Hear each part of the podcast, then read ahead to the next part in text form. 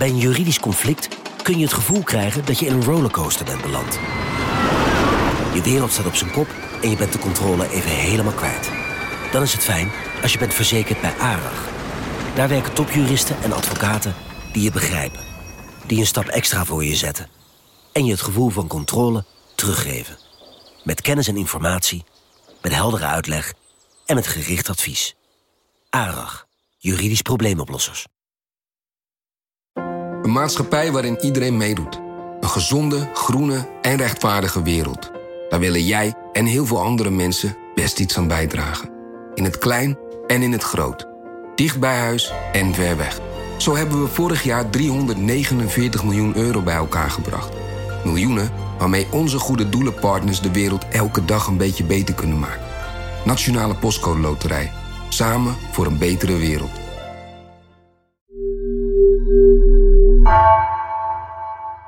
Hey, Lucas hier.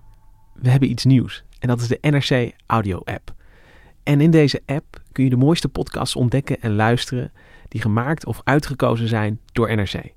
Onbehaarde apen vind je er natuurlijk, maar er staan ook nieuwe podcasts in, zoals Future Affairs over de toekomst of Cocaïne Courts over de opkomst van de cocaïnemafia in Nederland. Dus download nu de app en luister naar de mooiste podcasts die er te vinden zijn.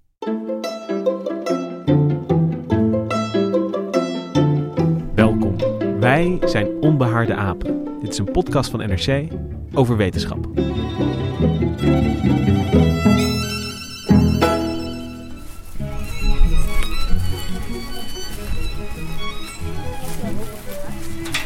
hele gezellige boerderijen nu.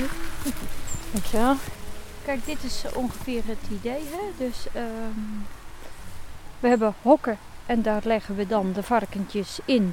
En feitelijk wat we doen is observeren, kijken wat er gebeurt onder allerlei omstandigheden. De herfst is om ons heen, het jaargetijde van verval. Maar toen onze medewerker Anne van Kessel een boswandeling maakte in Den Ham in Overijssel, stuitte ze op een heel ander soort verval. Vandaag hebben we druilerig uh, weer, veel regen. En dan kijken we wat, wat, wat er gebeurt. Hè. Dus als er dan maden op zitten, nou, dan hebben we ondertussen ontdekt dat als het heel hard regent, dat die pff, allemaal verdwijnen. Want die maden wegspoelen. beestjes vinden het niet lekker, zeg maar. Hè? Het verval van lichamen, varkenslichamen wel te verstaan. En ik zit hier in de studio met Hendrik Spiering. Hallo. En met Anne van Kessel. Hoi. En jij was het dus die met Wilma ja, die boswandeling maakte. Klopt. Ik was met uh, afgelopen week in Den Ham samen met uh, Tamara en Wilma. Mijn naam is Tamara Gelderman. Ik ben arts in opleiding tot forensisch arts. Um, en daarnaast ben ik promovenda aan de Universiteit Maastricht onder leiding van uh, Wilma Duist. En ik ben dan Wilma Duist. Ik ben hoogleraar forensische geneeskunde en gezondheidsstrafrecht aan de Universiteit Maastricht. En ben daarnaast uh, uh, forensisch arts bij GGD IJsseland in Zwolle. En zij leidde mij rond op uh, die bijzondere plek aan de rand van het Overijsselse Den Ham. En je moet het zien als een soort groot terrein vol met allemaal kleine kooitjes, waar ze dus onderzoek doen naar de ontbinding, tafonomie. En in dit geval dus van varkens. Okay. Nou, je dus weer. Je ziet dan dat dit een kleiner biggetje is dan de vorige. En ik kijk met name naar het schedeltje. Het schedeltje is heel erg bepalend voor hoe groot het oorspronkelijke biggetje was. En dan zie je dus als je dan verder kijkt dat die ribben hier ook gewoon wat kleiner zijn. En ook de andere botjes. Maar met name die schedel is dus, ja, dit is dus een klein biggetje. Ja, ik stel me zo voor, jullie maakten die wandeling, kwamen een skelet van een biggetje tegen. Kan iedereen dat overkomen die een wandeling gaat maken in Den Ham? Nee, het is wel een uh, afgesloten terrein. Er staat wel een groot hek omheen en dat is ook helemaal afgeschermd met een groot stuk zwart landbouwplastic. En um, het staat ook wel een stukje van de weg af achter de weilanden, zodat je het niet zomaar kunt zien en in de zomer niet zomaar kunt ruiken. En het zit dus in kooitjes om de simpele reden dat als je geen kooitje doet, dat een, uh, een, een roofdier er gewoon mee gaat sleuren. Hè? Want die kan onder het hek door, wat dan ook. Hè? Het hek is natuurlijk ook bedoeld om uh, de, de mensen, maar ook de roofdieren buiten te houden. Maar als, je, uh, als zo'n beest komt, die gaat er gaan sleuren. En dan, ja, dan moet je je varkentje overal gaan zoeken. Ja, het hek is dus eigenlijk voor en pottenkijkers en voor roofdieren die daar zouden kunnen komen. Ja, klopt. En daarom liggen die lichamen van die varkens ook nog eens in eigen kooitjes op dat terrein. Ja, want die roofdieren kunnen onder het hek door. Want wat voor roofdieren hebben we in Nederland? Wilde katten, enkele vos. Die laten zich niet zomaar tegenhouden door een, een, een hek met landbouwplastic. Nee. En je bent daar met twee forensische artsen. Waarom leggen zij daar varkens in kooitjes om te laten ontbinden? Om meer te weten te komen over uh, het effect van verschillende omstandigheden op die ontbinding. Dus wat het effect is van lange regenperiodes of juist van een hele droge zomer. Uh, van een varkenslichaam dat in de schaduw ligt of juist in de volle zon. Dus die omstandigheden die variëren ook. Die, die kooitjes staan niet allemaal keurig op een rijtje. Dat, dat, er wordt een moment gekozen om daar een varken in te leggen waarvan ze denken, hier kunnen we iets van leren. Klopt, hebben ze ook in verschillende seizoenen zijn ze steeds opnieuw gestart met verschillend aantal varkens. En hoe gebruiken ze dat dan in hun werk als forensisch arts? Want ik neem aan dat ze normaal gesproken zijn ze bezig met misdaad en hoe je die kunt oplossen. Maar hoe, hoe passen die varkens daarin? Nee, ja, ze willen, in Nederland mag je geen onderzoek doen met mensen en daarom doen ze het met varkens. En ze hopen op deze manier zoveel mogelijk kennis te verzamelen over hoe dat ontbindingsproces verloopt onder invloed van verschillende omstandigheden. Om zo uiteindelijk bij een misdaad beter in te kunnen schatten hoe lang iemand al dood is en hoe lang bijvoorbeeld een lichaam al op een bepaalde plek ligt. Wat wij natuurlijk willen is niet zozeer iets slims zeggen over varkentjes, want wie interesseert dat? Hè? Daar kunnen we kort over zijn. Maar waar het natuurlijk op neerkomt is als er ergens een lichaam wordt uh, gevonden, dat we dan altijd direct willen weten hoe lang ligt die al. Nou, dat kunnen we in die eerste, laten we zeggen, paar dagen is dat nog redelijk eenvoudig. Want, of laten we zeggen, de eerste dag kunnen we iets met temperatuur, lijkvlekken, dat soort dingen. Lijkstijfheid. Uh, maar daarna wordt het al heel snel heel ingewikkeld. Ja, want dat is natuurlijk vaak in een politieonderzoek van cruciaal belang. Van, voor allerlei alibis en wat is er gebeurd. Van ligt hij er een week, een maand, een jaar? Kan, ja, er zijn misschien wel heel veel variaties. Ja, klopt. En waarom zijn het dan specifiek varkens? Want je kunt er ook een lammetje neerleggen, kan ik me voorstellen. Ja, omdat varkens eigenlijk best wel lijken op mensen qua uh, de verhouding vet-spiermassa bijvoorbeeld. Uh, ook best wel qua microbioom, dus de bacteriën die in ons lichaam zitten. En uh, ja, qua grootte redelijk. Dus een, een varken is eigenlijk een goede stand-in voor een mens. Ja, zolang je geen onderzoek met mensen hier kunt doen, is een varken een goede optie. Ja, het zijn ook alleseters natuurlijk. Dus dat hele darmkanaal zal ongeveer ook hetzelfde zijn. Ja, dat is redelijk vergelijkbaar. En we hebben ook allebei haren. Ja, ook niet onbelangrijk. Dus die varkens helpen ons eigenlijk om, om misdaad op te lossen. Zou ik, als ik helemaal over het, het, het, het hoogste doel van Den Ham zou kunnen nadenken, zou dat het zijn. Ja, zeker. Houden ze dan ook rekening met de omstandigheden waarin ja, je menselijke lichamen kunt aantreffen. Uh, zoals in het water of in een plastic zak of, of wat, wat, mijn lugubere fantasie ook maar kan bedenken. Maar de, wordt daarmee geëxperimenteerd? Ja, dat willen ze wel. Ze hebben bijvoorbeeld ook uh, kleding aangedaan bij de varkens. En dan gekeken naar het verschil tussen nylon en uh, katoen bijvoorbeeld. En ze hebben ook een experiment, zijn ze gestart met waterlichamen. In dit geval dus van varkens. En komt het dan voor dat ze een hele concrete casus kunnen gebruiken uh, en, en er dan zeg maar een, een, varken gebruiken om die vraag daarover te beantwoorden die ze nog hebben? Ik weet niet of ze het één op één gebruiken. Ik denk dat je het meer moet zien dat alle kennis die met dit soort onderzoek um, wordt vergaard, dat ze daar uiteindelijk beter moordzaken mee op kunnen lossen. Ja, en ja, daarom was jij natuurlijk ook in Den Ham om te weten te komen hoe dat onderzoek gaat naar ontbinding. Maar ik heb ook begrepen dat dit onderwerp trekt jou nogal. Je hebt al, eerder heb jij daar ook stukken over geschreven. Het is niet de eerste keer dat je op een ja, toch een beetje een interessante plek bent waar dit soort onderzoek gebeurt. Wat trekt jou daar zo in?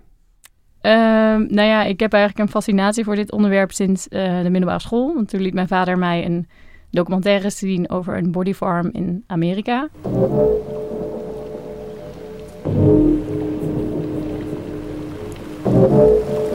First question people ask when a person dies is how long have they been dead? En daar liggen allerlei lichamen in verschillende stadia van ontbinding in de buitenlucht. Lichamen. Menselijke lichamen, ja. Okay, just caught case A. Alachua County, yeah, Austin Carey Forest. Age is unknown, sex is female. We got a typical Florida lowland pine. No scavengers. There were some noted though, but no evidence of injury. En um, hij zei toen, nou als ik dood ga, dan mag je me daar wel neerleggen. En dat vond ik toen zo'n luguber idee. En ik heb hem laten zweren dat niet te doen, dat we dat niet gingen doen. Ehm, maar ja, sindsdien vind ik dat gewoon een interessant onderwerp en volg ik dat. Maar dat is ook natuurlijk, als je nou niet op zo'n bodyfarm wil eindigen, dan moet je zo'n documentaire aan je dochter laten zien. En dan weet je zeker dat zij zal zeggen, doe dat niet. Ja, eigenlijk heeft hij het tegenovergestelde bereikt. Ja. Ja, stel je voor dat jij dan zegt, oh, vind ik een heel goed idee. Hoe zou hij daarop gereageerd hebben? Ja, dat is misschien ook wel gewoon meer provoceren. En Hendrik, heb jij wel eens zo'n eh, documentaire afgekeken? Of ben jij dan zo iemand die wegzept? Eh, ik heb wel eens, ik heb eigenlijk niet, ik heb wel eens van die fragmenten langs zien komen, maar eh, ik denk dat het vrij trage documentaires waren, want ik geloof niet dat ik er ooit een afgezien heb. Ik, ik heb wel een, die hele tafonomie was, eh, ik ken dat woord, omdat dat een woord was wat als ik over menselijke evolutie las, dan moest ik een stuk schrijven voor de krant, dan kwam ik dat tegen in een stuk over bijvoorbeeld uh, Neandertaler graven. Tafonomisch gezien is het, en dan, dan moest ik echt opzoeken wat het was. Het was echt best geheimzinnig. Dus de manier waarop, dat ging dan meer over fossielen, waarop, waarom fossielen eruit zien zoals ze er nu uitzien. En waarom bijvoorbeeld je in het oerwoud nooit fossielen van chimpansees vindt. Er is gewoon niks van bekend. En omdat de mens aan het water wel eens kwam, ook niet daar leefde. Maar je vindt ze alleen maar fossielen eh, van eh, oermensen bij het water. Want dan komt er zand overheen en dan, dan kan het verstenen. En daarom denkt iedereen dan dat de mensen altijd aan het water leefden. Maar dat is de, dat tafonomisch gezien is dat een misverstand. Want daar worden ze dus bewaard. En zo zijn er eindeloos veel discussies eh, over of iets een begrafenis is. Of een toevallig lijk wat daar terecht is gekomen. Dus als we het over tafonomie hebben, hebben we het eigenlijk, want, want jij trekt het nu eigenlijk het verre verleden in. Maar het gaat al eigenlijk over de, de, de, mag ik het samenvatten als de omstandigheden rondom de dood en, en hoe die overblijfselen tot ons zijn gekomen? Is dat een, een adequate definitie? Ja, je, je kan er natuurlijk vanuit forensisch perspectief naar kijken, wat tegenwoordig heel veel gebeurt. Maar wat jij zegt, je kan er ook op andere manieren naar kijken. En een daarvan is ook eh, inderdaad archeologie. En daar had ik het eerder dit jaar eh, via Skype over met Haley Mikkelburg. Hallo. Hallo. Oh, we zitten allemaal heel erg in het zonlicht, geloof ik. Haley is eh, forensisch archeologe.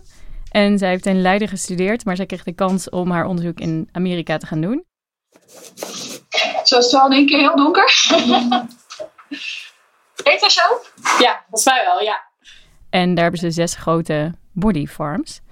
eh, waar dus mensenlichamen in de buitenlucht liggen om het proces van ontbinding te volgen.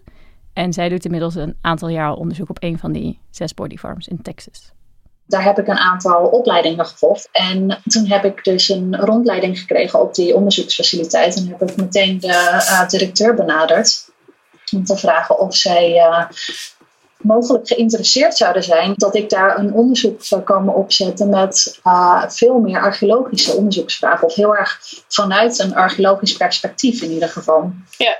Nou, Ehm, daar stonden ze heel erg open voor. De directeur die zag ook al meteen de waarde ervan in dat het, eh, het, het zit heel erg op het snijvlak tussen traditionele archeologie en forensische archeologie.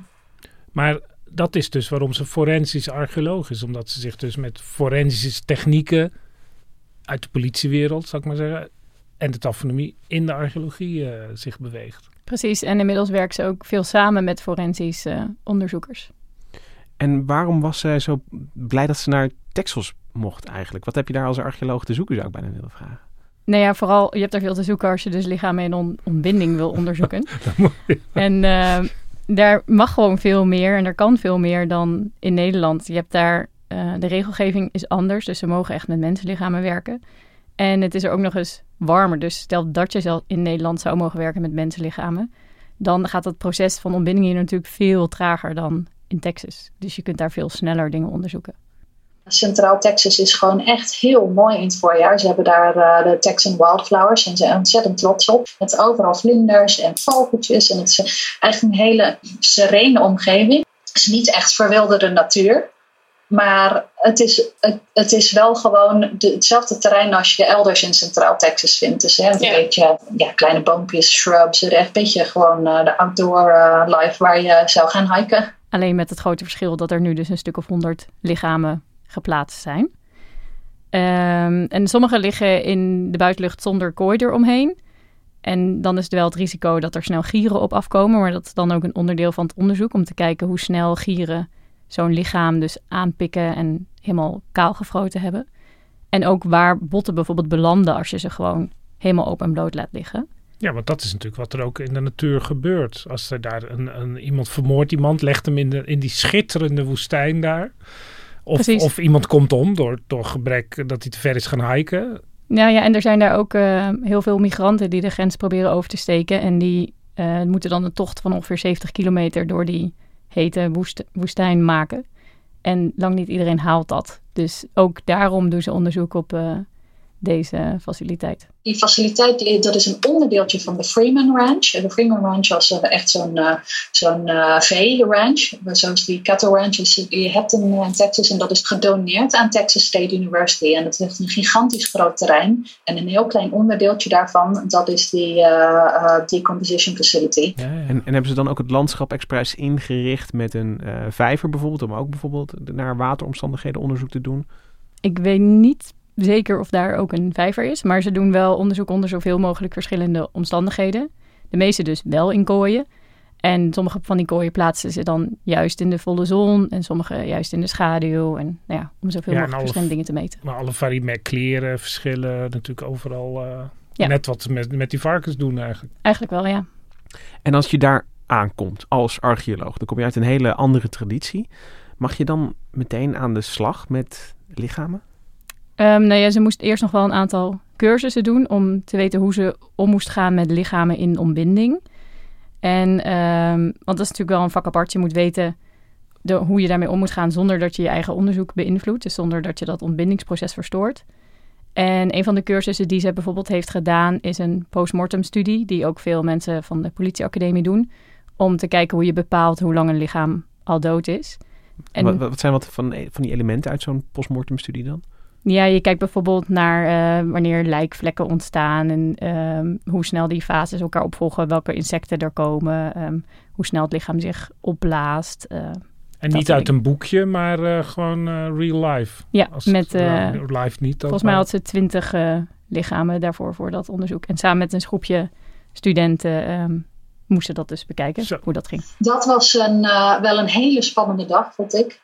Um, er waren een aantal lichamen die echt de, de meest, um, ja, hoe zeg je dat, uh, de meest indrukwekkende fase misschien van ontbinding waren op dat moment. Dus er was echt een hele sterke geur van ontbinding. Er was heel veel vocht en bloting en verkleuring en maden, et cetera. En um, vooral de geur vond ik toch best wel uh, moeilijk toen. En toen teruggingen om, uh, om te lunchen, had ik eigenlijk helemaal geen trek eten. Omdat ik het idee had dat ik nog steeds die geur yeah. ruiken, wat helemaal niet het geval was. En die avond heb ik toch wel gedacht, oh, als het iedere keer zo spannend blijft, hoe moet ik dat dan volhouden? Yeah. Maar het was, uh, het was eigenlijk de volgende dag, want het was een uh, opleiding van een paar weken, was, het, was dat eigenlijk alweer weg. Want die echte wetenschappelijke interesse in waar je mee bezig bent, dat, dat krijgt de overhand. Ik vind het toch wel bijzonder hoe ze dat vertelt. Want die afkeer die je misschien hebt van, van die geur of van, van wat je ziet, die lijkt me eigenlijk zo groot. Ik bedoel, er, er is bijna geen. Ik kan me bijna niet ergens voorstellen om, om te gaan doen, zeg maar. Uh, en, en, en dat je dat toch kan overwinnen. Ja, ze zei dat ze gewoon heel erg nieuwsgierig vooral was. Dus de interesse in haar eigen onderzoek en wat ze daar mocht gaan doen, nam al heel snel de overhand. En op een gegeven moment vertelde ze bijvoorbeeld ook hoe ze heeft geleerd om tanden te trekken. Dat heel secuur karweitje. En uh, dat was eigenlijk gewoon een best technisch verhaal. Dus daarom merkte hij ook dat ze dat gewoon met afstand kon vertellen. En, en zijn er dan nog ja, trucjes voor? Of hoe moet ik dat zeggen? Is er een bepaalde taal die gebruikt wordt om het ook een beetje meer op afstand te plaatsen dan ja, toch het heel aanwezige penetrante van, van, van zo'n geur of, of van wat je ziet misschien? Mm, ja, misschien wel. Ze zullen ongetwijfeld daar ook wetenschappelijke termen voor hebben. Maar ja, ze noemen het bijvoorbeeld ook geen body farm, maar een humane decompositiefaciliteit. Dus ja, daarin zit het ook al wel een beetje. Ja, al beter. Want body farm is echt een, een, een, begrip uit ja, die documentaires eigenlijk die jij toen keek als eh, twaalfjarige. Uh, ja, het is uh, nu gewoon een, in de volksmond een begrip geworden. Ja. En hoe gaat ze dan verder? Want, want uh, um, ik, ik, wil even terug naar Haley, die daar die, die eerste spannende dagen van die cursus um, uh, meemaakt. Maar zij kwam daar met een vraag. Ze wilde daar iets leren. Ja, zij was als archeoloog uh, betrokken bij een groot onderzoeksproject in het Caribisch gebied. En uh, zij wilde daar kijken hoe begrafenispraktijken veranderden na de komst van de Europeanen in dat gebied. Nou, dat heet Nexus 1492 en dat uh, werd geleid door de Caribische onderzoeksgroep Leiden. En er zaten allemaal subprojecten onder. En één daarvan was um, een studie naar life and death in de Cariben. Op het moment dat de eerste Europeanen aankwamen in dat gebied. En vervolgens dat gebied gingen koloniseren. Wat natuurlijk een hele grote impact had op de inheemse bevolking die daar leefde. En haar aandeel ging dan specifiek over begrafenispraktijken. En zij was gewoon benieuwd of die veranderde na de komst van de Europeanen. Op het moment dat je dus die tafonomie, dus dat zijn bodemprocessen, maar in, uh, in het graf heeft dat dus ook te maken met hoe een lichaam ontbindt in de bodem. Uh, als je dat beter kunt begrijpen, kun je eigenlijk een heel gedetailleerde reconstructie maken van wat er allemaal met het lichaam gebeurde. Ja. Dus hebben mensen uh, zeg maar ingezwachteld uh, begraven of, uh, of was het gewoon het blote lichaam in, in een kuil? Um, waren ze bijvoorbeeld gemummificeerd of, of werden ze direct na de dood begraven in, in, in verse staat? we vinden ook graven waarbij de onderdelen missen dat er botten bijvoorbeeld weg zijn, nou is dat gewoon het gevolg van uh, dingen die in de bodem gebeuren, zoals dieren die daarin uh, in rondkruipen, of um, was dat intentioneel? Dan zie je toch al een stukje jargon. Of het intentioneel is dat er uh, onderdelen verwijderd zijn. En maar hier wordt ook wel meteen heel erg duidelijk wat dan um, de tafonomie kan toevoegen aan, aan inzichten. Want we hebben natuurlijk weinig geschreven bronnen van de oorspronkelijke bewoners van de Cariben. Dus die botten zijn eigenlijk ja, de, de enige stille getuigen van, van, van misschien wel eh, praktijken of, of culturen die al verdwenen zijn. Ja, en zij kwam er dus achter dat die graven eigenlijk niet het hele verhaal vertellen. Want het is een eindresultaat en zij raakte dus steeds geïnteresseerd in wat, wat heeft hier dus hiervoor allemaal plaatsgevonden.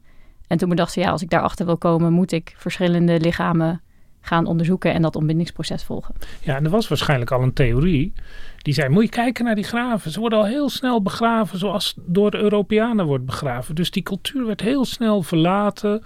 En uh, dan kan je, nou, dat wordt dan door iedereen overgeschreven. Totdat zij dan komt, of misschien ook iemand anders, die dan zegt: Ja, maar dat denken we misschien, maar klopt dat idee van die graven wel? En dan moet je eigenlijk helemaal opnieuw beginnen. Ja, want zij wilde dus weten: heeft dat hele ontbindingsproces invloed op hoe dat graf er uiteindelijk uitziet? En als dat zo is, kunnen we dan wel de conclusies trekken die we tot nu toe trekken. Ja, en dat zou dus kunnen betekenen dat de oorspronkelijke cultuur zich veel langer verzet heeft uh, tegen koloniale cultuur. En dat heeft ook weer allerlei uh, belangrijke consequenties natuurlijk. Ja, dat zou kunnen. En kreeg ze daar inzichten in? Heeft ze daar al iets, iets in geleerd? Weet ze al dat ja, de manier waarop een, een, een lichaam zeg maar uit elkaar valt uiteindelijk, dat dat uh, effect heeft voor wat je uiteindelijk terugvindt in die graven die we hebben uit die tijd? Ja, ze heeft um, in, op die body farm dus verschillende lichamen in verschillende posities uh, onderzocht. Dus heeft bijvoorbeeld een lichaam in een open kuil uh, zittend begraven, zoals de oorspronkelijke bevolking in het Caribisch gebied deed. En ze heeft ook uh, lichamen onder de grond, afgedekt onder de aarde, liggend zoals de westerse cultuur meer doet, begraven. En daarna gekeken op het verschillen in het ontbindingsproces. En zij zag dus dat die botten op een andere manier uiteenvallen maar uiteindelijk weer op precies dezelfde manier komen te liggen. Dus het eindresultaat is hetzelfde, um, terwijl het ontbindingsproces anders is. Tijdens die ontbinding zag ik dus dat er gewrichten uit elkaar vallen, maar later ook weer netjes of, bijna in perfect anatomisch verband weer bij elkaar komen te liggen door alles wat voor verschuivingen gebeurd is vooraf. Nou, stel je voor dat je dan zo'n lichaam opgraaft, dan zou je nooit kunnen weten dat die, uh, dat die verschuiving in eerste instantie plaatsgevonden uh, had. Dus je model wat je creëert, die volgorde van die ontbindingen, is per definitie incompleet of verkeerd. Dus op basis van het eindresultaat kun je niet zeggen of iemand in een open kuil begraven is geweest of uh, liggend onder de grond. En dat is dus ja, wat, wat ja. jij net zei, Hendrik dat is dus wel belangrijk om te weten. Want um, dan weet je dus ook niet wat het effect is geweest van die komst van die Europeanen. Zijn ze doorgegaan met hun eigen manier ja. van begraven, zittend in een open kuil? Of is het veranderd naar de westerse manier van begraven? Ja. En dan, dan weet je, zij weten dus nu dus als je als archeoloog zeg maar een graf tegenkomt, dat je daar gewoon niet te veel conclusies aan kan verbinden op de, over de begrafeniswijze op dit moment. Ja, dat, dat is haar vermoeden. Ze heeft nu natuurlijk pas enkele lichamen onderzocht, maar toen ze dit dus al te weten kwam, dacht ze ja, ik moet nu wel veel meer lichamen gaan onderzoeken om te kijken of wat we doen in de archeologie eigenlijk wel uh, bruikbaar is, die modellen die we daar gebruiken. En waarom begroeven ze eigenlijk, uh, wat was het, zittend in een open kuil? Dat is wel bijzonder. Was daar nog, is dat bekend? Ja, um, dat was omdat ze de overgang wilden zien van leven naar dood. En om zeker te weten dat iemand niet in een kwade geest zou veranderen. Ja, ja. En, en is Haley dan nu klaar? Gaat ze, gaat ze nog door met dit onderzoek? Ja, ja, momenteel zit ze weer even in uh, Nederland vanwege corona. Maar ze had al wel veel uh, nieuwe experimenten gepland, inderdaad. En wat ik dan toch wel wil weten is, is je bent een archeoloog met een vraag in Nederland over Caribische geschiedenis. Dat, dat, dat ook verweven is met onze uh, Nederlandse geschiedenis natuurlijk. Maar waarom moet zij dan naar Amerika om haar onderzoek te doen? Waarom kan dat niet hier? Nou, omdat er in Nederland gewoon um, geen plekken zijn waar je menselijke lichamen in de open lucht mag onderzoeken. Die, we hebben wel één uh, forensische begraafplaats bij het AMC, maar die liggen, lichamen liggen allemaal onder de grond. En ja, ik denk dus dat het onderwerp hier gewoon te beladen is. En te beladen dan, dan is het, dan zeg je eigenlijk gewoon van, van uh, dat we dat akelig vinden hier, blijkbaar. Ja, kennelijk willen we dat hier niet hebben. Ja, dat mag ook waarschijnlijk niet, want er is natuurlijk een wet op de lijkbezorging. En ja. volgens mij uh, is pas in de jaren 20 of zo, of de jaren 10, crematie uh, toegestaan. Pas sinds een tijdje mag je ook zonder kist worden begraven. Ik bedoel, dat zijn al de grenzen. En natuurlijk, die crematie is tegenwoordig normaal, maar dus buiten een kist, dat was ook niet. Uh, en, ja. en je hebt nu, er zijn allerlei beperkingen. Het is enorm gereglementeerd. En dan zomaar lijken ergens neerleggen, ook al willen die mensen dat zelf. In Amerika kan dat kennelijk wel. Maar, maar dat vind ik wel interessant, want, want in Nederland zien we, zeker in verhouding tot Amerika, toch als iets liberaler en vrijzinniger dan, dan en in Amerika over het algemeen iets conservatiever. Dus, dus hoe is dat in, in Amerika dan, dan ontstaan, dat het daar ja, blijkbaar wel kan? Nou, eigenlijk per toeval.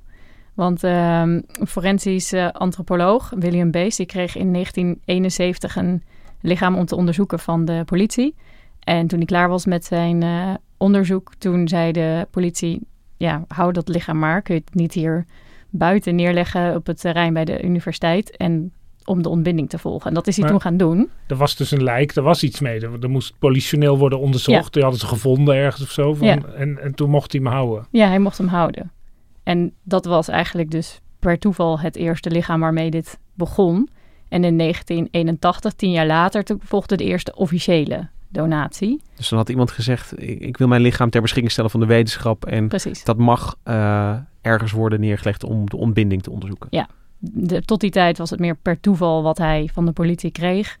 En vanaf 1981 was het een officieel donatieprogramma. En als je dan zegt dat donatieprogramma begon, heb je dan uh, meteen, ja, je had het over Mikkelburg, over een decomposition facility. Heb je dan, is dat dan ook het start van een officieel instituut dat lijken onderzoekt? Ja, eigenlijk wel. Het weten alleen geen Body Farm. Die naam komt van een, uh, een thrillerschrijfster, Patricia Cornwall.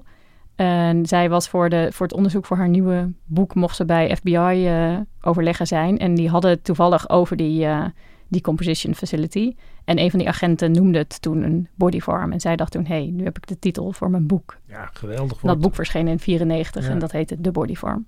En sinds, sindsdien is, is die term ook een beetje in zwang geraakt. Ja, maar niet onder de mensen die die facility leiden. Die nee, eigenlijk niet. Van, die corrigeren je wel als je die term gebruikt van nou, eigenlijk is het een human decomposition facility. Ik vroeg me af, Hendrik, is dat dan ook um, in de fase van forensische wetenschap? Is dat, een, is, is dat nog een, een, een natuurlijk moment dat je zo'n ontwikkeling krijgt? Want ik, ik, ik weet van ook van andere for, forensische onderzoeksmethoden, die, die, ja, die, die, die moeten natuurlijk op een gegeven moment nou ja, kijk, een, een het, wetenschappelijke uh, onderbouwing krijgen. Het begin ligt natuurlijk bij die uh, politieagent die zegt: hou het maar, daar kan je misschien nog onderzoek op doen. Hè, dat dus zeg maar dat hele politiewerk verwetenschappelijk en er ook steeds meer vragen worden gesteld. En het duurt dan tien jaar voordat er dan een officieel instituut is en zo groeit dat dan. Maar het heeft dus te maken met de verwetenschappelijking van de, van de samenleving en dus ook van de politie. Dat er dus steeds meer vuistregels die natuurlijk al sinds de 19e eeuw werden gebruikt als ze lijken vonden. Ja, dan, klopt dat eigenlijk wel. Ja, dan moeten we toch eigenlijk controleren en waarschijnlijk. Ja, dus zo begint dat dan. En jij zei net dat het in Amerika conservatiever is, maar in Amerika is natuurlijk wat niet verboden is, dat mag. Dus daar is veel meer vrijheid en ook veel meer uh, uh, lossere gewoontes en ook veel meer ruimte om zo'n bodyfarm te doen. Ik denk dat je in Hongkong zou je natuurlijk never zo'n facility kunnen stichten. Hè? Heel dicht bevolkt.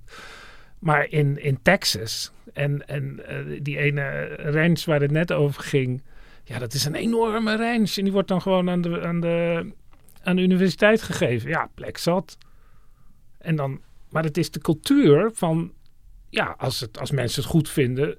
Op zich is de, we zijn zo gewend om Amerika conservatief te vinden. Maar er zitten heel veel liberale vrijheidsidealen achter natuurlijk. Dus de omstandigheden zijn eigenlijk wel ideaal voor, voor het opbloeien van zo'n vakgebied juist daar en niet in Europa. Ja, en misschien een beetje bizar. In Amerika is natuurlijk traditioneel het, het, het, aantal moorden veel groter dan, dan, dan in ieder geval in Europa. En ik denk dan overal in de wereld. Dus er zijn natuurlijk ook heel veel politieonderzoeken naar lijken die ze ergens vinden. Dus er is ook meer drang om dat te weten. En misschien ook meer lijken die gevonden worden in afgelegen plekken, ja. uh, onder dubieuze omstandigheden, misschien half begraven of niet. Ja. Want daar kan je natuurlijk gewoon een lijk in de woestijn leggen. Hier moet je op zijn minst gaan graven als je op de Veluwe bent. Er is altijd wel een fietspad in de buurt. Ja, toch waren er volgens Wilma nog best wel veel lichamen in Nederland die gewoon in de open lucht oh ja? uh, worden neergelegd. Ja, daar verbaas ik me ook over. Maar ik bedoel... Misschien een aparte podcast aan wij. het, het, het, zijn dan wel minder moorden en misschien maar minder lichamen. Maar ook hier lopen politieagenten rond met die vragen van, van wanneer is iemand overleden. Maar waarom blijft Europa dan achter op de Verenigde Staten? Ja, we hebben wel in België is een uh, kleine faciliteit geweest waar mensen onder de grond dus lagen. En dat was voor geuronderzoek, dus naar de geur van de dood. En we hebben dus die, sinds 2018 die faciliteit bij het AMC. Maar allebei wel echt veel kleiner en dus ook onder de grond en niet op de grond. En is het dan zo dat, uh, even terugdenkend aan Den Ham, dat het dan veel makkelijker is om zo'n uh, project te starten als je zegt van ja, we gaan het niet met mensen doen, maar met varkens? Ja, dat denk ik wel. Ik denk dat dat veel minder gevoelig ligt dan, uh, dan met mensen. Men, mensen vinden mensen toch geen prettig idee als er, een, als er mensenlichamen in de, in de buurt liggen. Uh, er moet natuurlijk ergens een gemeente komen uh, die zegt: wij hebben hier een terrein wat voldoende is afgeschermd, uh, waar mensen zich niet over op gaan winden omdat ze denken dat het eng is. Het moet niet dicht bij de bebouwde kom zijn, zicht op de weg, dat soort dingen. dus da daar zit het hem in nu. Maar is het dan, als, je, als dit allemaal al overwegingen waren voor Den Ham en die locatie daar vraag me toch af of mensen dan ook al uh, zo zenuwachtig worden van een paar dode varkens in de open lucht. Nee, in Den Ham hebben ze daar niet echt problemen mee gehad. Uh, maar wel met een ander onderzoeksproject van dezezelfde onderzoekers. Zij hebben een, een, aantal jaar terug hebben ze een aantal varkens in de Stotersplas bij Zaandam gelegd. Om uh, de ontbinding in water te onderzoeken. Omdat we in Nederland ook best wel veel lichamen in water vinden. Um, alleen is daar op een gegeven moment een vlogger die is daar gaan duiken. En die heeft dat gefilmd, dat er dus een aantal varkens in water lagen. En daar kwam toen heel veel ophef over, dus dat onderzoek is toen gestopt. Dat onderzoek is daadwerkelijk gestopt omdat er ophef over werd gegenereerd, kun je bijna zeggen. Ja, klopt. Ja, en die varkens lagen denk ik niet aan de oppervlakte, maar die lagen op een paar meter diepte aan ja, een soort anker natuurlijk. Ja, lagen op 9 meter diepte. 9 meter? Ja. Zo. Kijk, als we één iemand hebben die er zenuwachtig van wordt, gaat hij over social media en dan is het het einde project. En iedereen is het na één dag weer vergeten, maar het project is wel ten einde. Ik had het eerder al een beetje over, over die afkeer van de dood en dat, dat we het eigenlijk het liefste niet willen zien. Bijna volgens mij zie je dat hier eh, dan, dan in actie. Dat dat de grootste bedreiging voor zo'n project is dus dat mensen er uh, uh, achter komen en, en dat ze er wat van gaan vinden. Ja, maar er zijn wel twee totaal verschillende factoren aan, het, aan de gang. Omdat dat dus zeg maar de angst voor dode dieren, dat is denk ik modern. Dat is zeg maar de, uh, uh, bijna de stadse mentaliteit van uh, dat het eng is. Ik bedoel, het vlees wordt zo verpakt dat je niet meer ziet dat het een varken is geweest. En ik herinner me nog dat als je vroeger naar de slager ging dat is echt lang geleden. Dan, dan keek je zo de koelkast in en dan hingen de koeien en de, de varkens uh, in, in verschillende stadia van ontben, ontbening. Niet ontbinding, maar ontbening.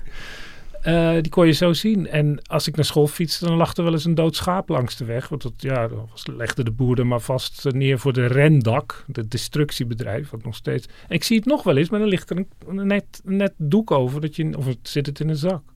Dus dat is een modern iets, maar die dode mensen is natuurlijk echt iets heel anders. De, de dode mensen is iets anders, dat, dat snap ik ook, ook meteen. Maar ik, ik had het inderdaad meer over dat, dat eerste. Dat de, we hebben de, de dood, zeg maar, zo uit het uh, straatbeeld, uh, kun je letterlijk zeggen, verdrongen. Dat het dus al gevoelig ligt dat er een... Een dood varken. Ja. Dus er worden uh, misschien wel iedere dag ja, duizenden varkens in abattoirs doodgemaakt. Maar dat gebeurt achter een grote muur. Maar als het dan in een verver ligt of ergens in een onderzoeksveld, dan is het ineens een probleem. Ja. ja. Maar dat tweede deel wat jij beschrijft, Hendrik, dat die ja, angst voor of afkeer voor mensen en, en ontbinding, is dat ook universeel of is dat toch cultureel? Want, want we hadden het net al over die open kuilbegravingen van die Caribische Indianen, waarin het toch ja, dat, dat zal niet midden op het dorpsplein zijn geweest. Maar de dood was dan tenminste iets zichtbaarder dan dat die nu in onze belevingswereld Ja, maar het is, altijd een vast protocol, een vast ritueel. Een, een ritueel waarbij de familie betrokken... Ik heb het dan zeg maar over de laatste duizenden jaren. Maar ook nog steeds. Een, een begrafenis is zo'n of een crematie is zo'n vast ritueel. En mensen weten hoe ze zich moeten gedragen. Als er een, iemand dood is waar die geen begrafenis kan krijgen, omdat die vermist wordt of op zee uh, verloren gaat, dan, ja, dan is dat een gemis. Dus het zit zo diep in de familiebanden en in de hele uh, connectie die een samenleving überhaupt bij elkaar houdt dat er zijn natuurlijk hele bizarre manieren van begraven, die, die ook voor forensische onderzoekers misschien super interessant zouden zijn. in, in Perzië of in Afghanistan heb je de gewoonte, ik weet niet of het nog bestaat, om de doden door de vogels des hemels te laten uh, opeten. Dus daar liggen ze op een bar en dan komen de gieren, raven. Een sky burial. Ja. Dat al. ja. Maar dat onderzoeken ze dus ook op die body farm. Met die aasgieren die uh, ze erop af laten komen. Ja, maar iemand die zich normaal zo laat begraven, die wil het dan precies op de juiste manier. Met de juiste teksten die worden uitgesproken. En niet, niet op een anonieme facility in Texas natuurlijk. Dus het, het is een van de oudste systemen van, van de mens om volgens de juiste rites te begraven te worden. Dus dat houdt enorm tegen natuurlijk. Nog even los van, van de stank en het idee. Ja, dus een, een, een lichaam in een landschap is dan als een soort open wond. Dat, een dat, verloren dat, ziel. Dat, dat, dat, is een soort schreeuw die, die, die waar we niet, niet uh, waar we echt uh, diepe gevoelens bij hebben als we, als we dat zouden, zouden ja, zien of tegenkomen. De paradox is natuurlijk dat een deel van het onderzoek ook wordt gedaan om die mensen die ze in de woestijn vinden hun plaats te geven. Hoe lang, waar komen ze vandaan? Hoe lang liggen ze er? Wie zijn het? En... Maar dan wil ik toch eigenlijk over die culturele, uh, sociale en, en, en misschien ook wel diep fysiologische afkeer en angsten heen stappen. En even goed naar een lijk kijken. Wat die, wat die forensische onderzoekers natuurlijk ook moeten doen. dus, dus kijken wat er gebeurt in die eerste dagen dat uh, een dier of een mens is gestorven. En dan wil ik eigenlijk wel weten, wat gebeurt er op dag 1 als een dier of mens is overleden? Dat heb ik natuurlijk ook gevraagd toen ik in Den Ham was. En Tamara kon dat heel goed vertellen. Uh, wat er gebeurt als er een lichaam uh, overlijdt, uh, dan zijn er een aantal stadia. En of het nou zomer, herfst of winter is, die stadia die zijn er gewoon en die lopen ook in de chronologische volgorde. Dus in eerste instantie is het lichaam gewoon zoals wij dat dan noemen vers. Dus er is gewoon niks zichtbaar aan het lichaam. En daarna komen de eerste tekenen dat door de zwaartekracht de, het bloed naar het diepste punt zakt. Dus dan komen de lijkvlekken. Ehm, de spieren die verstijven helemaal. Dat heet dan lijkstijfheid. En dan in de eerste stadium heb je dan ook gewoon dat het lichaam helemaal afkoelt naar de omgevingstemperatuur die lijkstijfheid, daar ken ik dan, ik weet niet waarom, maar het, Latijnse begrip voor rigor mortis. Ja, dat komt er niet de detective verhaal voor natuurlijk. En, maar is het dat die, eh, dat vraag ik me af, Hendrik, dat die Latijnse term nou per se is overgeleverd, heeft dat dan ook te maken met... Medisch natuurlijk. Dat is medisch gewoon. Ja. Dat, dat, heeft niet te maken met dat, uh, dat de Romein het ook al was opgevallen, dat uh, lijken zo Ik denk dat het uh, iedereen is opgevallen altijd. Want dat zie je gewoon. Dat is natuurlijk, en dat is, ja, en dat een lijk koud wordt, dat uh, hou je ook niet geheim natuurlijk. En daarna komt er een proces dat je eigenlijk niet kunt zien, omdat het in het lichaam gebeurt. In de darmen begint het dan, of in de alvleesklier. Ehm, en daar worden dan de bacteriën en de gassen, et cetera, allemaal geproduceerd. En als het op een gegeven moment zeg maar eh, ehm, naar de oppervlakte komt, dan kun je dus zien dat bijvoorbeeld bij de buik eh, dat het dan groen begint te worden. En als het eenmaal begonnen is, dan breidt zich dat ook steeds verder uit, de groene kleur. Ehm, en door de gassen gaat het lichaam dan ook opzwellen. Ja, we zijn hier nu wel in een fase dat het iets griezeliger wordt. Ik, ik bedoel, eh, lijkstijfheid en uitzakkend bloed was, was één ding. Maar, maar nu hebben we het over een groene, groene lichamen en, en gasvormingen. En als ik het goed begrijp, eh, dat, dat wordt gedaan door onze eigen bacteriën. Die onze Ja. vrienden waren bij leven, die slaan nu eigenlijk echt toe. Ja, die trekken op stroop toch door het lichaam. En dat is ook waarom een lijk wat in het water ligt eerst naar de diepte gaat en dan zwelt het weer op door die gassen en dan komt het weer omhoog. En, eh, En dan begint het dus ook heel erg te stinken. Kun je dat omschrijven, hoe dat ruikt? Ja, het wordt vaak een beetje omschreven als een zoete, weeige geur die heel penetrant is. Maar die Belgische onderzoekers die hebben dus eh, geuronderzoek gedaan. En die zeggen wat het menselijke doodsgeur uniek maakt, is een beetje een vissige geur. Oh, dat is wel interessant, want ik ken, je hebt het wel eens als je in het bos eh, loopt. En ik heb ook wel eens, eh, toen ik in eh, mijn tent liep, dat ik, dat je denkt, ik ruik een dood eh, dier. Zou het een muis zijn? Dat bleek uiteindelijk een vleermuis te zijn. Maar dat is een hele typische zoetige geur. Het is niet per se heel afstotend, maar dat is denk ik als het al een paar dagen dood is of zo. Heb jij het Maar- zelf geroken, Anne? En toen ik in Den Ham was niet. Nee, ik heb het wel eerder geroken. Ja, bij biologie-experimenten bijvoorbeeld en eh, dat soort dingen. Nou, er is dus een aparte geur voor menselijke eh, doodsgeur eigenlijk. Ja, er, er zijn componenten die de menselijke doodsgeur uniek maken. Tenminste, dat vermoeden ze hebben ze eh, bij eh, dat Belgische toxicologische lab. En dan kun je er weer honden op trainen natuurlijk. Dat is uiteindelijk wel hun doel, ja. ja. Als je die geur kunstmatig na kunt maken, dan kun je daar honden mee trainen. Die honden mogen nu alleen met placenta's getraind worden in eh, Nederland.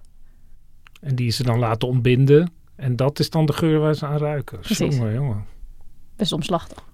Ja, Wilma die eh, werkt dus regelmatig met menselijke lichamen. En ik heb haar ook gevraagd hoe eh, zij nou vindt hoe zo'n mens in ontbinding ruikt.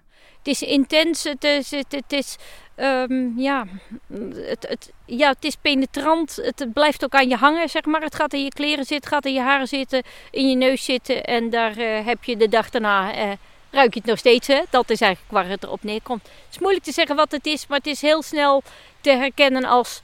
Oei, dit is niet goed. Dit is heel erg niet goed. ja, dus toch een soort alarm. Ja.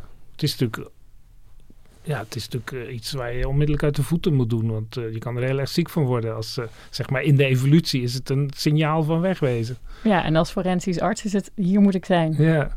En wat komt er dan na die geur van het is niet goed? Dan komen de beestjes. Waar hebben we het dan over? Eh, al heel snel volgen de vliegen. En die leggen ook eh, eitjes in het lichaam. Er komen dan weer maden uit. Ehm, ja, en die ruiken dat natuurlijk ook. Die komen er natuurlijk op af. Ja, want ze ruiken die geur. Ja. En ehm, daarna ook nog eh, andere dieren, bijvoorbeeld zoals vogels. Maar heel veel verschillende soorten insecten komen erop af. Ehm, ik denk dat dat entomologisch onderzoek, eh, want dat is het moeilijke woord voor beestjesonderzoek, kriebelbeestjesonderzoek, ehm, dat dat toch nog wel een, een boost zou kunnen gebruiken in Nederland. Hè? Want elk land heeft natuurlijk zijn, een, zijn eigen kleine kriebelbeesten. En het is natuurlijk enorm van belang van wat doen die beestjes dan in Nederland en welke stadia en welk soort vliegen. Maar we hebben op deze varkentjes allerlei andere beestjes gezien waarvan ik in ieder geval tevoren niet wist dat ze erop zouden zitten. Dus dat is interessant.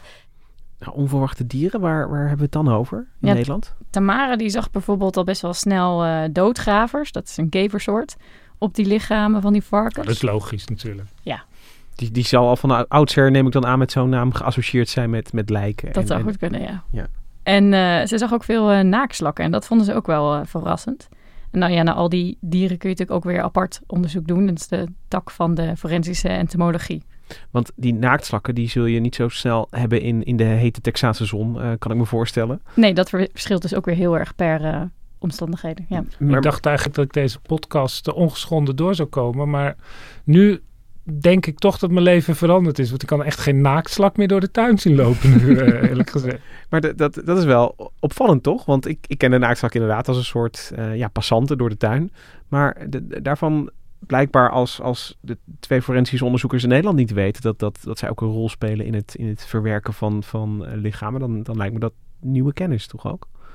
Ja, of het echt helemaal nog nooit eerder was gezien, durf ik niet met zekerheid te zeggen. Maar voor hun was het in ieder geval uh, nieuwe kennis. Ja, en het is nu tenminste dan ook uh, zeg maar in een, in een model gepast. Dat dus na zoveel dagen onder die omstandigheden komen de slakken. En misschien dat de politieman in een bos wel eens een slak op een lijk heeft zien zitten. Precies. Maar dat is toch anders. Toen ik met de archeoloog Haley sprak, vertelde ze me ook dat uh, mademassa's dus in staat zijn hele botten te verplaatsen. En dat wisten ze daarvoor dus ook nog niet. Dus dat zijn ook dingen waar je in je modellen rekening moet houden. Dat gewoon dat krioel, zeg maar, van, van die dieren, dat, dat is al genoeg om gewoon om een, een vingercoach of misschien zelfs iets groters. Ja, zelfs groter, ja.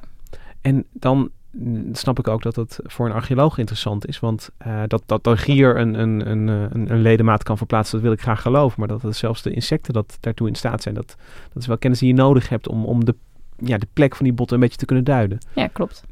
Maar dan hebben we dus de, de, de afkoeling, de stijfheid, de gassen en de geur, de beestjes gehad die hebben toegeslagen. Hebben we dan nog iets over? Ja, de huid verandert ook nog. Ja, het lichaam die begint dan ook wat in te drogen hè, aan de uiteinden. Dus je krijgt dan een soort van lederachtige uh, huid krijg je dan.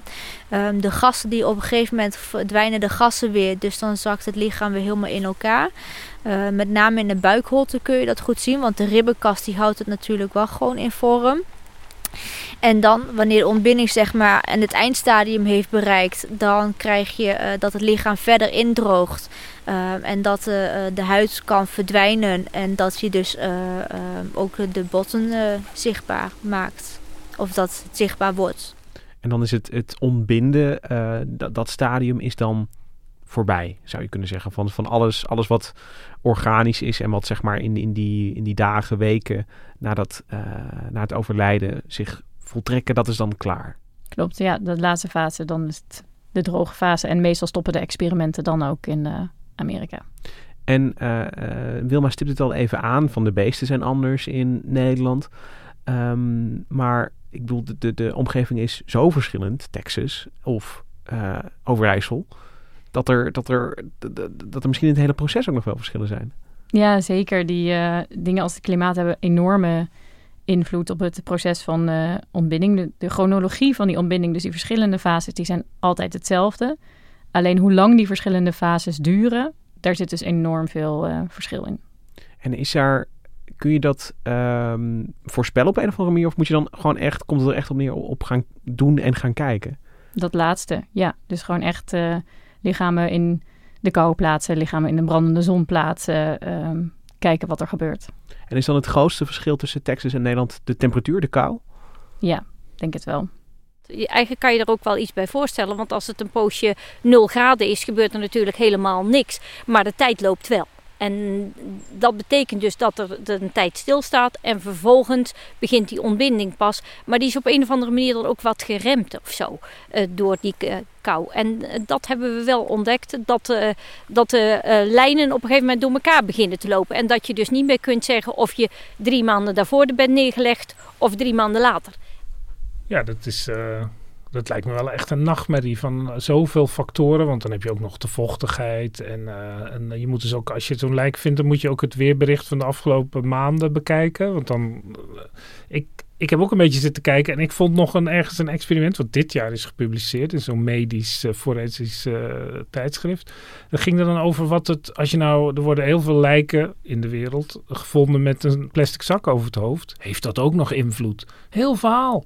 En er blijkt dus ook dat eerst versnelt die plastic zak de ontbinding, maar uiteindelijk na 225 dagen bij varkens vertraagt het uiteindelijk. Dus dan krijg je een totaal ander model.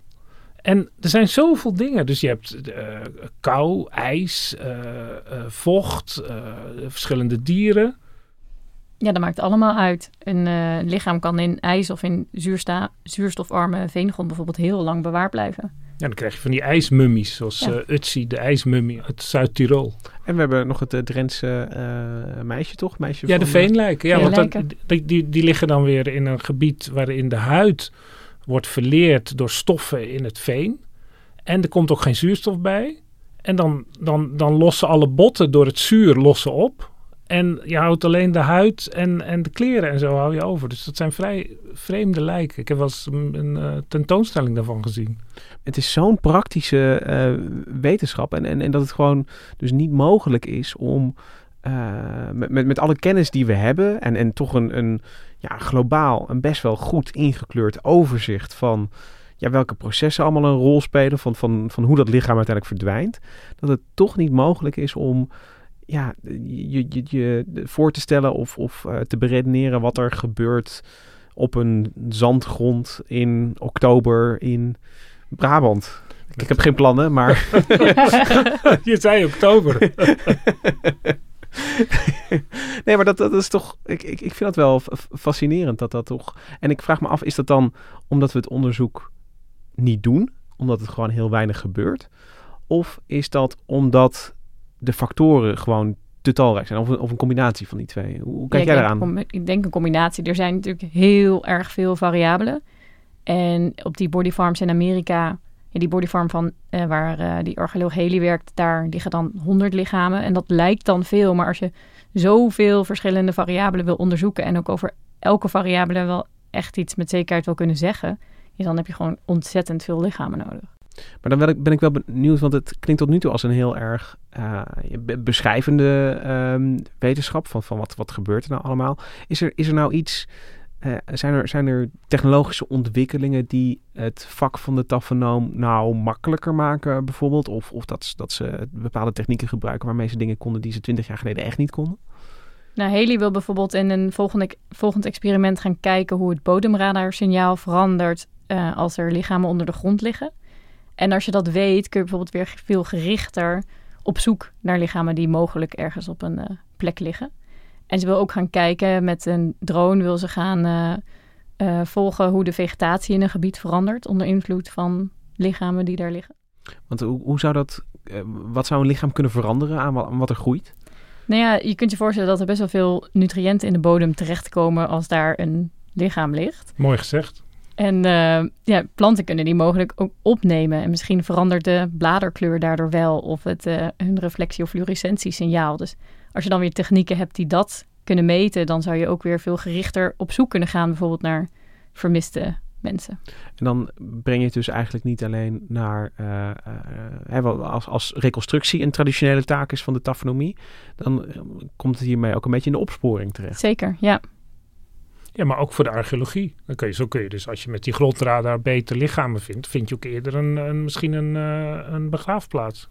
Ja. Van, van uh, daar 100 jaar terug of zo. En dan toch op dat, uh, je zei al van het is een combinatie van factoren. Aan de ene kant is het proces gewoon zo flexibel. Aan de andere kant gebeurt onderzoek niet zoveel. Maar ik denk dan toch, van er, ik, ik bedoel, er gaan ieder jaar miljoenen mensen dood. Echt heel veel. Heel veel. En, en dan, dan zou ik toch, toch willen vragen, waarom is er niet meer tafonomie in deze wereld?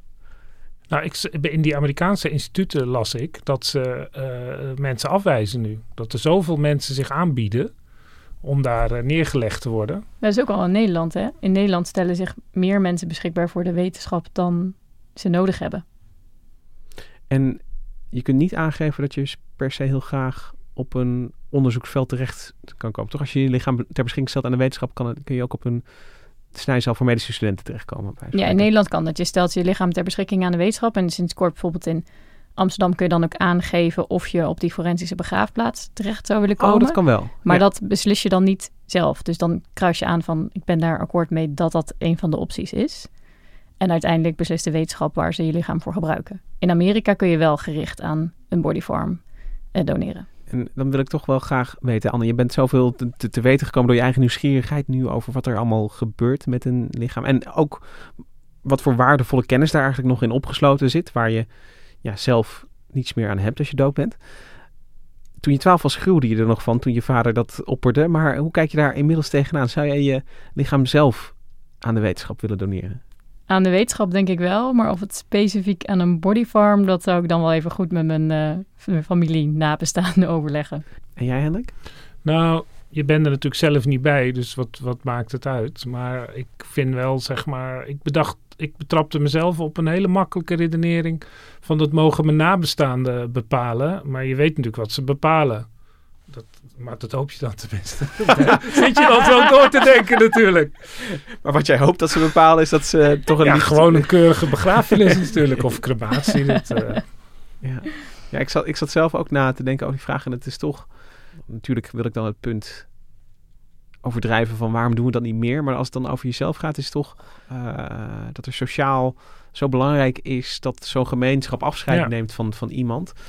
En ik zie wel hoe zo'n bestemming dat een beetje in de weg zit. Weet je, dat dat eh, niet dat dat niet- helemaal niet kan. Want het, natuurlijk kun je nog steeds afscheid van nemen. Ook al eh, gebeurt er iets anders met het Ja. lichaam. je kunt allerlei symbolische dingen bedenken Ja. natuurlijk. Maar ja.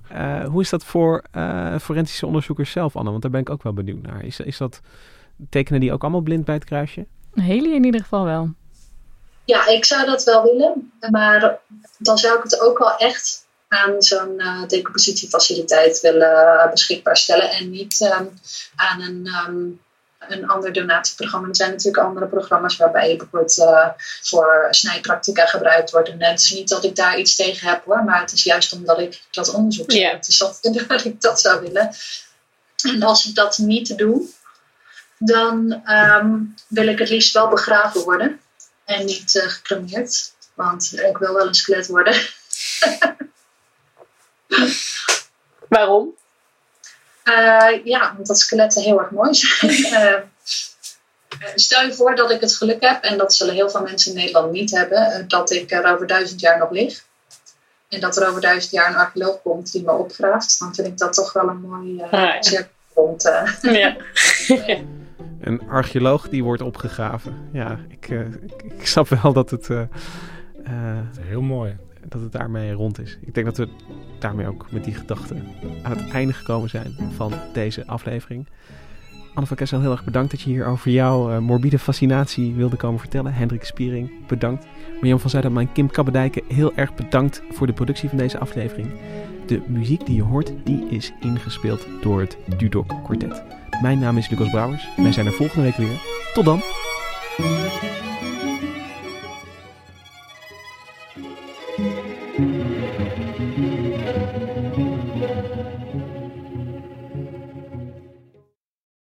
De financiële markten zijn veranderd, maar de toekomst, die staat vast. We zijn in transitie naar een klimaatneutrale economie. Dit biedt een van de grootste investeringskansen van onze generatie. Een kans voor u om mee te groeien met de pioniers van morgen. Meer weten? Ga naar carbonequity.com. Carbon Equity. Do good by investing better.